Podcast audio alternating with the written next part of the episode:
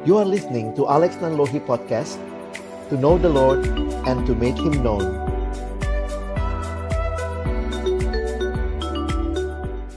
Mari berdoa sebelum kita membaca merenungkan firman-Nya. Kami datang dalam ucapan syukur pagi hari ini. Terima kasih karena Tuhan baik dan Engkau menyatakan kebaikan-Mu dalam hidup kami di tengah-tengah situasi yang belum memungkinkan kami bisa bersekutu, tetapi Tuhan memberi kesempatan kami tetap beribadah, menikmati indahnya, menyembah Tuhan, berdoa kepadamu dan tiba waktunya bagi kami untuk membuka firman-Mu ya Tuhan. Kami mohon ketika kami membuka firman-Mu, bukalah juga hati kami, Jadikanlah hati kami seperti tanah yang baik, supaya ketika benih firman-Mu ditaburkan itu boleh sungguh-sungguh berakar, bertumbuh, dan juga berbuah nyata di dalam hidup kami. Berkati hambamu yang menyampaikan semua kami yang mendengar, seluruh fasilitas yang kami gunakan, jaringan, kiranya semuanya boleh menolong kami. Pada akhirnya bukan hanya jadi pendengar-pendengar firman yang setia, tapi mampukan dengan kuasa, dengan pertolongan dari rohmu yang kudus, kami dimampukan menjadi pelaku-pelaku firman-Mu di dalam hidup kami, di dalam masa muda kami. Bersabdalah ya Tuhan, kami umat-Mu sedia mendengarnya dalam satu nama yang kudus, nama yang berkuasa, nama Tuhan kami Yesus Kristus, Sang Firman yang hidup. Kami menyerahkan pemberitaan firman-Mu. Amin. Shalom, selamat pagi Bapak Ibu dan juga adik-adik yang saya kasih dalam Tuhan Yesus Kristus. Bersyukur buat kesempatan ini boleh sama-sama kita belajar firman Tuhan dalam tema yang diberikan kepada kita hari ini adalah The Coming Glory.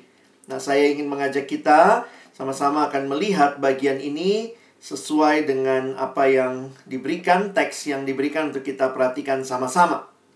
Nah, hari ini kita akan melihat di dalam dua Hagai pasal yang kedua ya. Ini bagian yang firman yang akan mendasari perenungan kita. Ya, kita akan melihat Hagai pasal 2. Kita akan melihat ayat pertama sampai dengan ayatnya yang ke-10. Ya. Hagai pasal 2 ayat 1 sampai ayat yang ke-10. Saya akan bacakan bagi kita yang saya sudah tuliskan di slide di depan Bapak Ibu dan anak-anak sekalian. Pada tahun yang kedua zaman Raja Darius, dalam bulan yang ketujuh pada tanggal 21 bulan itu datanglah firman Tuhan dengan perantaran Nabi Hagai bunyinya. Katakanlah kepada Serubabel bin Sealtiel, bupati Yehuda, dan kepada Yosua bin Yosadak imam besar, dan kepada selebihnya dari bangsa itu demikian. Masih adakah di antara kamu yang telah melihat rumah ini dalam kemegahannya semula? Dan bagaimanakah kamu lihat keadaannya sekarang? Bukankah keadaannya di matamu seperti tidak ada artinya? Tetapi sekarang, kuatkanlah hatimu, hai Serubabel, demikianlah firman Tuhan. Kuatkanlah hatimu, hai Yosua bin Yozadak, imam besar. Kuatkanlah hatimu, hai segala rakyat negeri. Demikianlah firman Tuhan, bekerjalah Sebab aku ini menyertai kamu. Demikianlah firman Tuhan semesta alam. Sesuai dengan janji yang telah kuikat dengan kamu pada waktu kamu keluar dari Mesir dan rohku tetap tinggal di tengah-tengahmu, janganlah takut. Sebab beginilah firman Tuhan semesta alam, sedikit waktu lagi, maka aku akan menggoncangkan langit dan bumi, laut dan darat, Aku akan menggoncangkan segala bangsa, sehingga bangsa barang yang indah-indah kepunyaan segala bangsa datang mengalir. Maka aku akan memenuhi rumah ini dengan kemegahan firman Tuhan semesta alam. Kepunyaankulah perak dan kepunyaankulah emas. Demikianlah firman Tuhan semesta alam. Adapun rumah ini, kemegahannya yang kemudian akan melebihi kemegahannya yang semula, firman Tuhan semesta alam. Dan di tempat ini, aku akan memberi damai sejahtera, demikianlah firman Tuhan semesta alam. Sedemikian jauh pembacaan firman Tuhan, yang berbahagialah kita yang bukan hanya membacanya, tetapi juga merenungkannya, melakukan dalam hidup kita, dan bahkan membagikannya. Bapak, ibu, uh, dan anak-anak yang saya kasihi dalam Tuhan Yesus Kristus, Kitab Hagai hanya ada uh, dua pasal, ya. Mungkin kita juga uh, biasa memperhatikannya, pasal yang singkat maksudnya ya di dalam kitab Hagai ini dan mungkin waktu kita membacanya kita juga jadi bertanya ini kitab tentang apa ya nah mari perhatikan sebentar bahwa sebenarnya kitab Hagai ada di perjanjian lama dan ini adalah salah satu dari 12 kitab nabi kecil ya. 12 kitab nabi-nabi kecil. Nabi-nabi kecil ini bukan karena badannya kecil bukan ya. Tetapi karena ini nabi-nabi yang tulisan-tulisannya singkat, ya.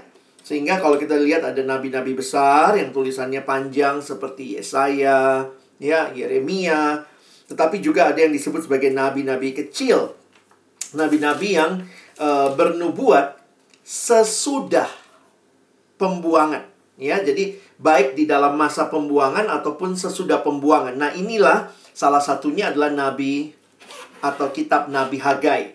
Jadi kalau kita masih ingat teman-teman bahwa orang Israel itu dibuang Tuhan. Kenapa dibuang? Karena itu adalah dosa yang mereka lakukan sehingga Tuhan sudah berikan perjanjian. Kalau kamu taat, aku berkati. Tapi kalau kamu tidak taat, aku akan membuang kamu dari tanah yang aku berikan kepadamu. Kalau kita ingat, Tuhan itu menjanjikan kepada Abraham, aku akan memberikan tanah Kanaan kepadamu. Tetapi bukan ke kamu, kata Tuhan ke Abraham, tapi nanti kepada keturunanmu. Jadi orang Israel itu punya teologi tentang tanah tuh ngelotok banget ya. Tanah ini tempat Tuhan berinteraksi dengan kami. Jadi ketika mereka berdosa dan Tuhan membuang mereka ke Babel, ke tanah yang asing, wah itu sedih sekali hati mereka. Karena penghayatan mereka adalah Tuhan memberikan janjinya berinteraksi dengan mereka di tanah Kanaan. Dan kemudian waktu itu akhirnya setelah 70 tahun kembalilah mereka dikembalikan ke tanah itu. Nah, kita coba lihat sebentar ya. Siapakah Nabi Hagai ini? Nabi Hagai adalah seorang nabi yang diutus Tuhan untuk menegur dan menggerakkan orang Yahudi, yaitu para buangan yang sudah kembali nih, sudah kembali ya setelah 70 tahun, mereka kembali ke tanah uh, Kanaan, uh, ke Yerusalem. Nabi Hagai ini diutus untuk mengingatkan mereka, ayo dong bangun lagi bait suci. Ya, untuk membangun ulang bait suci setelah kurang lebih 14 tahun itu berhenti pembangunannya karena terhambat oleh perlawanan. Itu kalau teman-teman tertarik kisahnya nanti baca di Esra pasal yang keempat. Jadi ada orang-orang bangsa-bangsa di sekitarnya yang tidak suka ketika orang Israel kembali ke tanahnya, mereka mulai bangun ya. Nah, lalu dapat tantangan seperti itu, teman-teman bisa bayangkan ya. Pada waktu itu, mereka akhirnya berhenti membangun bait Allah. Ingat ya, bait Allah tuh ada di Yerusalem. Mereka berhenti membangun bait Allah lalu sibuk bangun rumah masing-masing. Jadi Nabi Hagai ini diutus untuk ingetin, "Hey, please dong, kamu tuh cuman sibuk bangun rumahmu, padahal ingat, kamu kembali salah satu yang Tuhan mau adalah kamu bangun ulang bait Allah, bait suci." Teman-teman mungkin kalau kita baca apa sih tanah Kanaan, bait suci. Tuhan berinteraksi dengan umatnya di dalam perjanjian lama itu secara simbolis di tanah itu dan juga di bait suci. Ya, jadi makanya buat orang Yahudi gambaran bait Allah itu gambaran kehadiran Tuhan. Ya, coba lihat yang Kak Alex tulis ini ya bait suci itu mewakili kehadiran Tuhan di tengah-tengah umatnya. Jadi di mana Tuhan berinteraksi di bait suci khususnya di dalam ruang Maha Kudus. Ketika di situ ada tabut Allah, nah Tuhan berinteraksi setiap tahun imam besar itu masuk mempersembahkan kurban di dalam bagian itu. Jadi bait suci ini buat orang Yahudi penting banget nih. Bait suci mewakili kehadiran Tuhan di tengah-tengah umat dengan tidak kembali membangun bait suci. Mereka tuh melupakan ya. Karena ada tantangan malah jiper gitu ya, malah nggak ikut, nggak bangun bait suci. Maka dengan mereka tidak bangun itu, umat mengatakan bahwa mereka lebih tertarik dengan kepentingan mereka daripada kepentingan Tuhan. Sedih banget kayak gini ya. Lambang kehadiran Tuhan tidak dibangun, mereka sibuk bangun rumahnya, makanya Nabi Hagai diutus lagi. Kenapa? Mereka itu dikatakan fokus pada kebutuhan materi mereka daripada kebutuhan mereka untuk memiliki Tuhan. Nah, ini kita mesti hati-hati juga ya.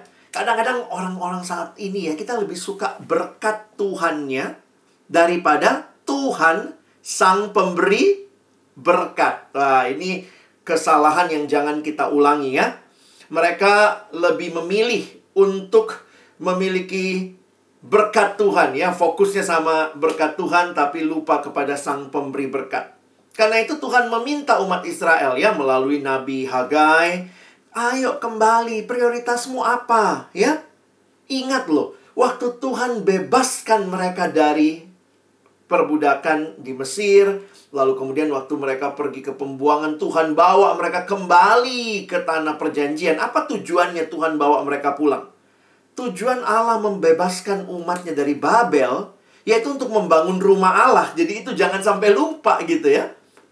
Kamu harus terus membangun apa yang menjadi prioritas. Ada satu kutipan menarik dalam kalimat bahasa Inggris bilangnya begini ya. Delay in doing what God commands or desire is really just disobedience. Slow obedience is no obedience ya. Jadi kadang-kadang kita juga suka terjebak begitu ya. Wah, udahlah nanti aja dah. Udahlah nanti aja lah cari Tuhannya nanti aja lah gitu ya. Akhirnya kita kelihatannya kayak slow respon ya. Paling nggak enak kan ya kalau kita di chatting terus orangnya slow respon. Bayangkan Tuhan minta, ayo baca Alkitab, ayo beribadah. Allah Tuhan nanti aja dah gitu ya. Ini yang terjadi kepada jemaat waktu itu umat Israel sehingga Tuhan kirimkan Nabi Hagai. Puji Tuhan ya, Tuhan gak cuek ya. Wih, kalau Tuhan cuek teman-teman, wah, biarin deh, silahkan kamu bangun sendiri, tapi aku tidak memberkati. Tuhan peduli dengan umatnya, Tuhan ingatkan, ya.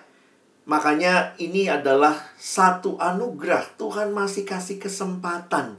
Yuk, balik lagi. Yuk, bangun lagi apa yang penting. Allah memanggil kita untuk memprioritaskan Dia dalam hidup kita dan taat sepenuhnya memenuhi kehendak Tuhan. Jadi siapa Hagai? Secara sederhana, Hagai adalah nabi yang memimpin pembangunan bait suci kedua. Nah, jadi waktu mulai bangun nih ya, udah mulai bangun, bangun, bangun, bangun, ingat teman-teman ya, bait suci sebelumnya sudah ada.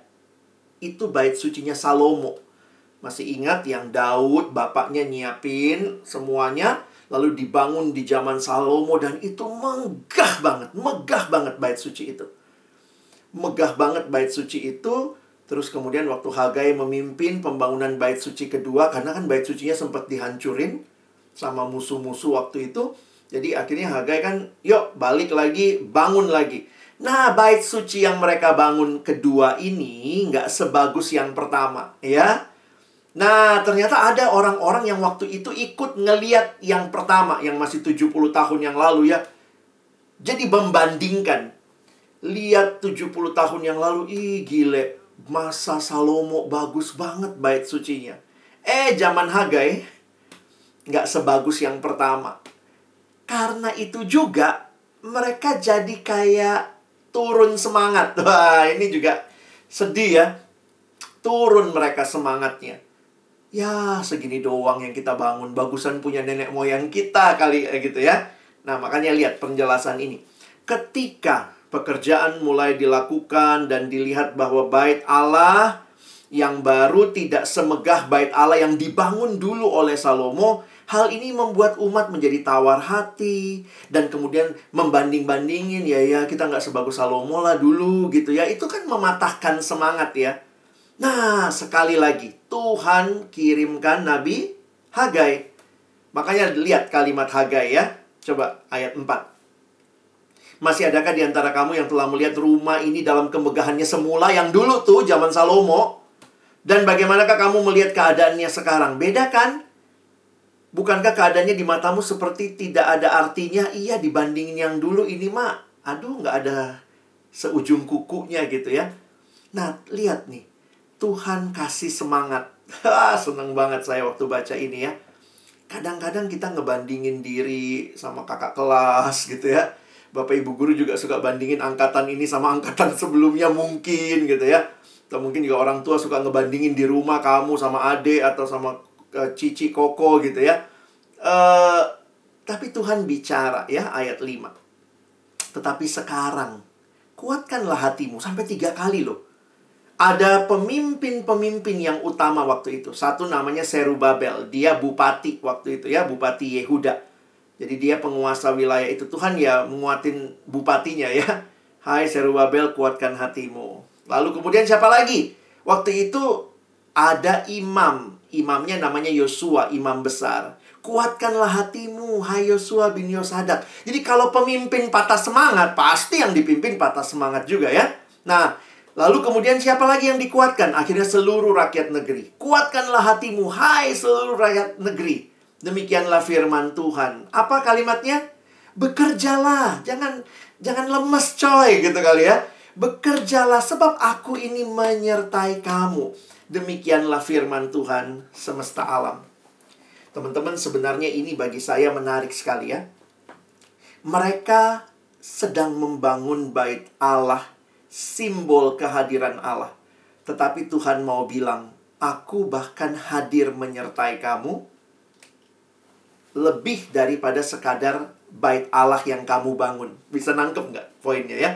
Aku tuh menyertai kamu. Kamu lagi bangun bait Allah simbol kehadiranku. Tetapi ingat, sebenarnya kemegahan yang utama tuh apa?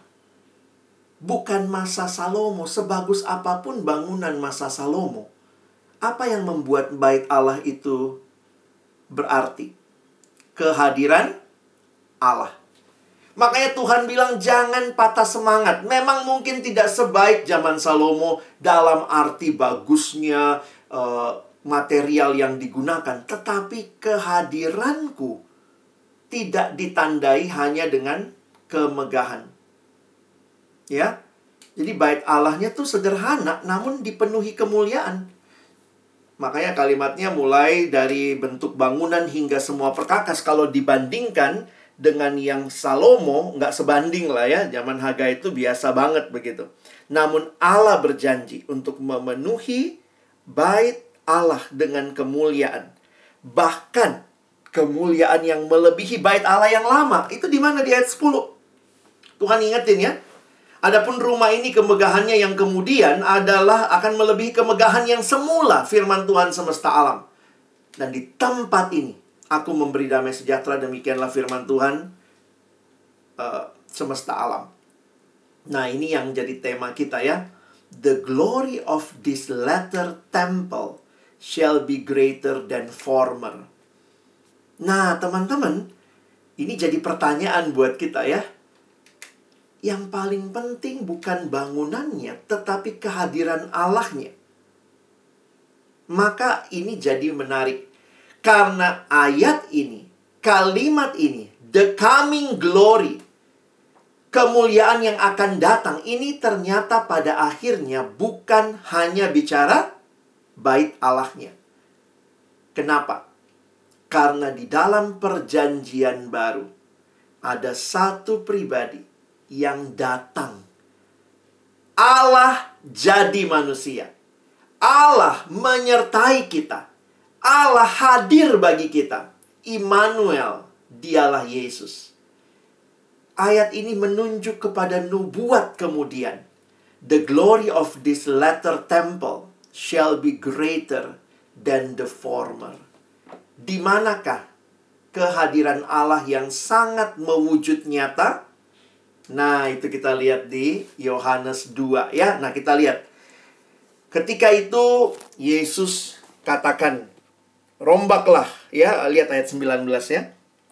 Jawab Yesus kepada mereka, rombaklah bait Allah ini dan dalam tiga hari aku akan mendirikannya kembali. Lalu kata orang Yahudi kepadanya, 46 tahun orang mendirikan bait Allah ini dan engkau dapat membangunnya dalam tiga hari. Nah, ada catatan yang dituliskan oleh Yohanes. Tetapi yang dimaksudkannya dengan bait Allah ialah tubuhnya sendiri. Kalau di perjanjian lama, simbol kehadiran Allah adalah di dalam baitnya. Maka di dalam perjanjian baru, Yesus menggenapkan, dialah bait Allah. Allah berkenan diam di dalam dirinya. Karena dia adalah anak Allah berarti dia sama dengan Allah. Allah yang jadi manusia dan diam di antara kita. Dan inilah kemuliaan yang kita lihat. The coming glory. Ini lebih daripada semua bait Allah yang pernah ada.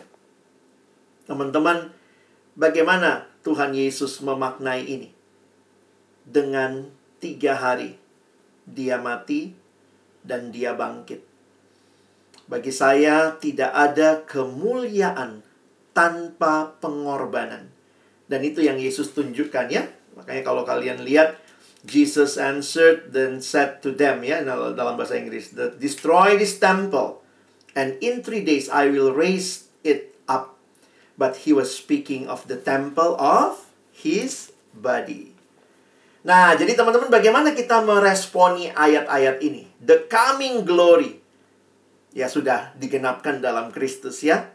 Tetapi apa yang menarik buat kita sekarang? Saya mau ajak kita berespon dengan melihat beberapa penjelasan ini. Jadi sekarang baik Allah masih ada nggak ya? Udah nggak ada sih secara fisik ya.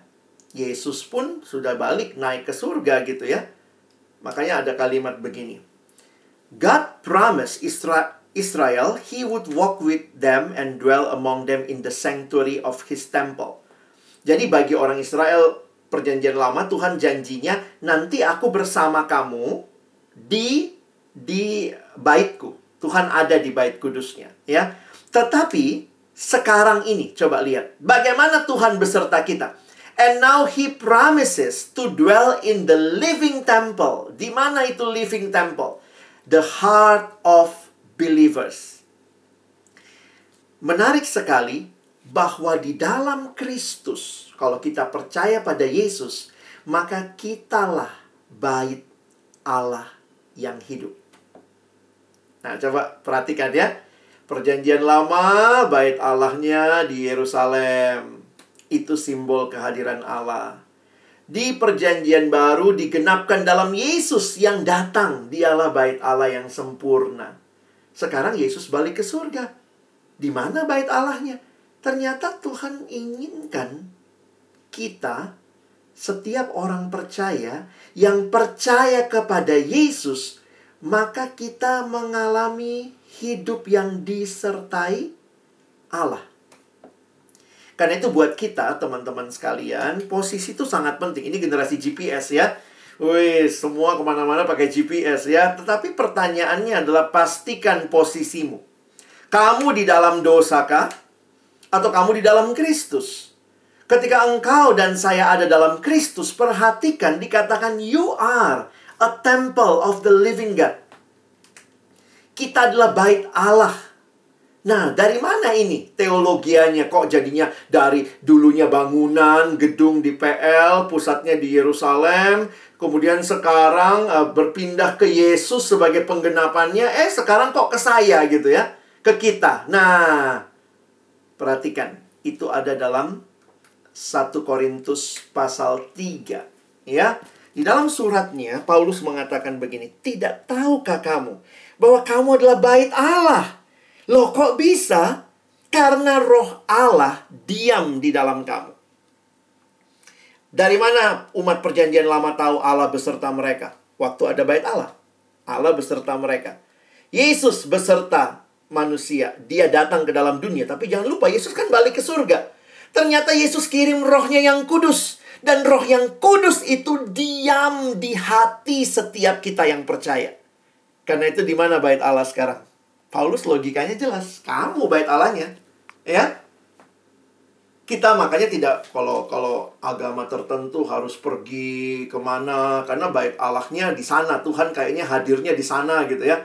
Kalau kita enggak, Allah hadir di hati setiap kita yang percaya. Ya.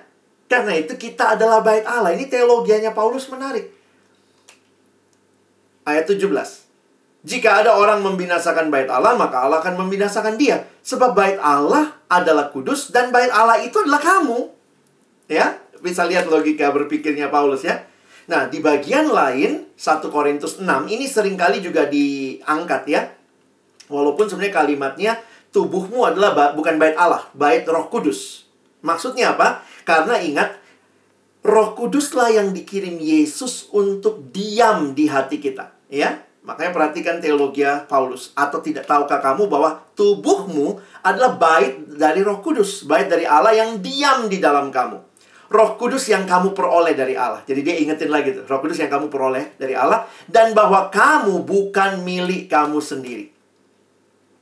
Makanya kita jangan ngerasa, aduh Tuhan gak peduli sama saya. Eh jangan lupa, kamu bait Allah. Itu bukti kehadiran Tuhan ketika hatimu kamu terima Yesus, Dia ada di hatimu, maka Dia memimpin hidupmu. Hidupmu bukannya kamu lagi. Makanya ayat 20, sebab kamu telah dibeli, harganya telah lunas dibayar, karena itu muliakanlah Allah dengan tubuhmu. Maka waktu kita sekarang bicara baik Allah, baik Allah, tubuh kita adalah baik Allah, artinya apa? Tadi Kak Alex sudah ingatin, pastikan posisimu. Kamu masih dibelenggu dosa nggak? Apakah dosa itu sedang membelenggu kamu? Rasul Paulus menarik ya, dia mempersonifikasi dosa. Maksudnya apa sih? Paulus tuh jelasin ya, dosa itu dia gambarkan seperti tuan yang sedang memperbudak. Makanya dia bilang, dulu kamu hamba dosa. Jadi dosa itu dianggap seperti tuan yang sedang memperbudak. Makanya kalau kalian perhatikan ya, nah ini jadi pertanyaan buat kita. Coba periksa hidup kita kita masih diperbudak dosa nggak? Jangan-jangan kita bilangnya saya baik roh kudus, tapi kita bergumul. Makanya ini jadi pergumulan yang harus kita selesaikan.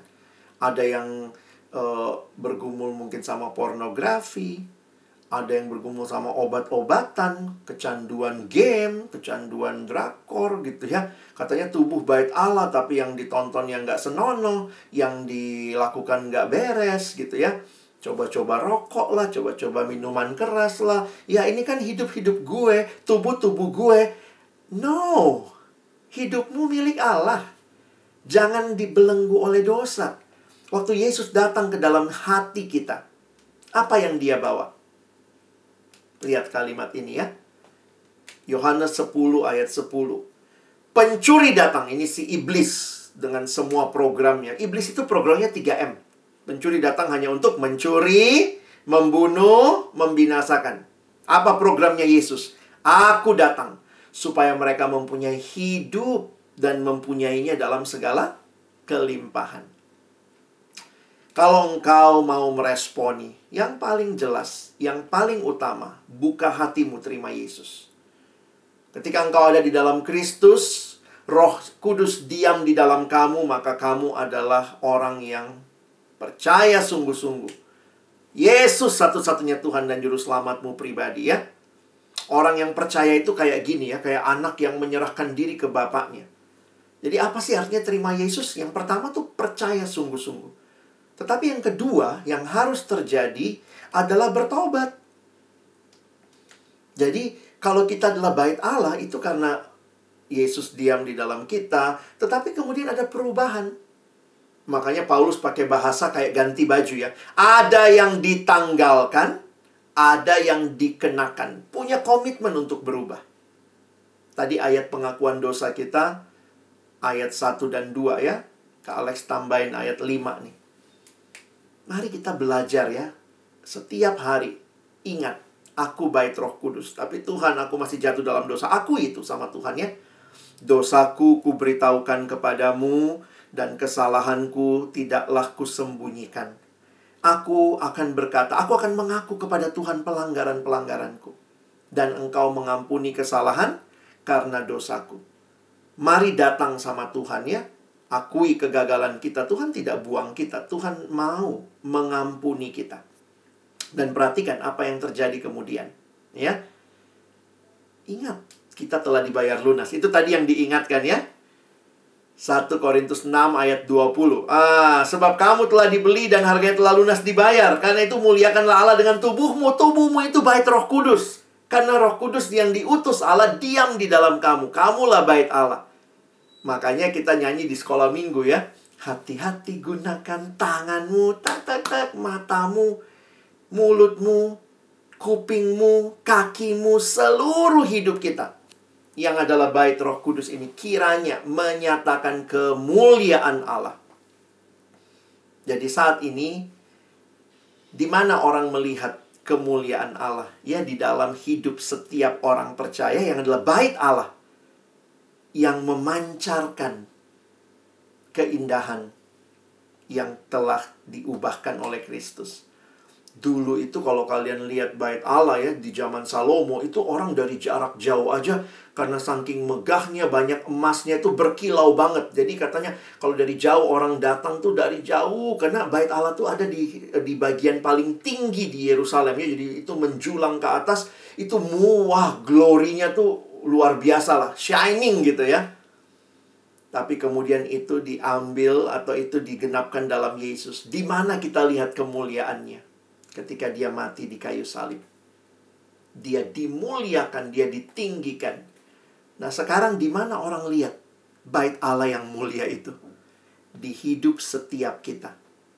Yang berkata, "Tuhan, bukan lagi aku yang hidup, tapi engkau yang hidup dalamku supaya melalui hidupku kemuliaan Allah nyata ya beresin dosa-dosa kita tinggalin jangan hidup dalam dosa dan mari punya komitmen terus bertumbuh. Bertumbuh makin mirip siapa? Bukan makin mirip dunia tapi makin serupa dengan Kristus. Ingat Yesuslah bait Allah yang sempurna. Kalau kita makin serupa dengan dia kita pun memancarkan kemuliaannya. Kiranya Tuhan menolong kita menjadi bait-bait Allah yang hidup, yang menyatakan kemuliaan Yesus yang sudah mengubah hidup kita. Mari berdoa. Tuhan terima kasih banyak buat firman-Mu. Kami sadar bahwa sering kali banyak istilah-istilah teologis dalam hidup orang Kristen. Bait Allah, bait suci di perjanjian lama, di Perjanjian Baru, tapi hari ini kami mengerti bahwa ternyata Tuhan memberikan semua itu untuk mengingatkan kami bahwa kamilah saat ini bait Allah yang seharusnya menyatakan kemuliaan Kristus. Ampuni kami yang masih berjuang di dalam berbagai hal pergumulan dosa. Tolong kami tidak kalah dengan keinginan-keinginan duniawi, tetapi kami terus berserah kepada Roh Kudus untuk mengikuti kehendakmu dan memuliakan Engkau lewat seluruh hidup kami. Bagi adik-adikku yang terikat mungkin dengan pornografi, menajiskan bait Allah, mata yang harusnya dipersembahkan untuk kemuliaan Tuhan.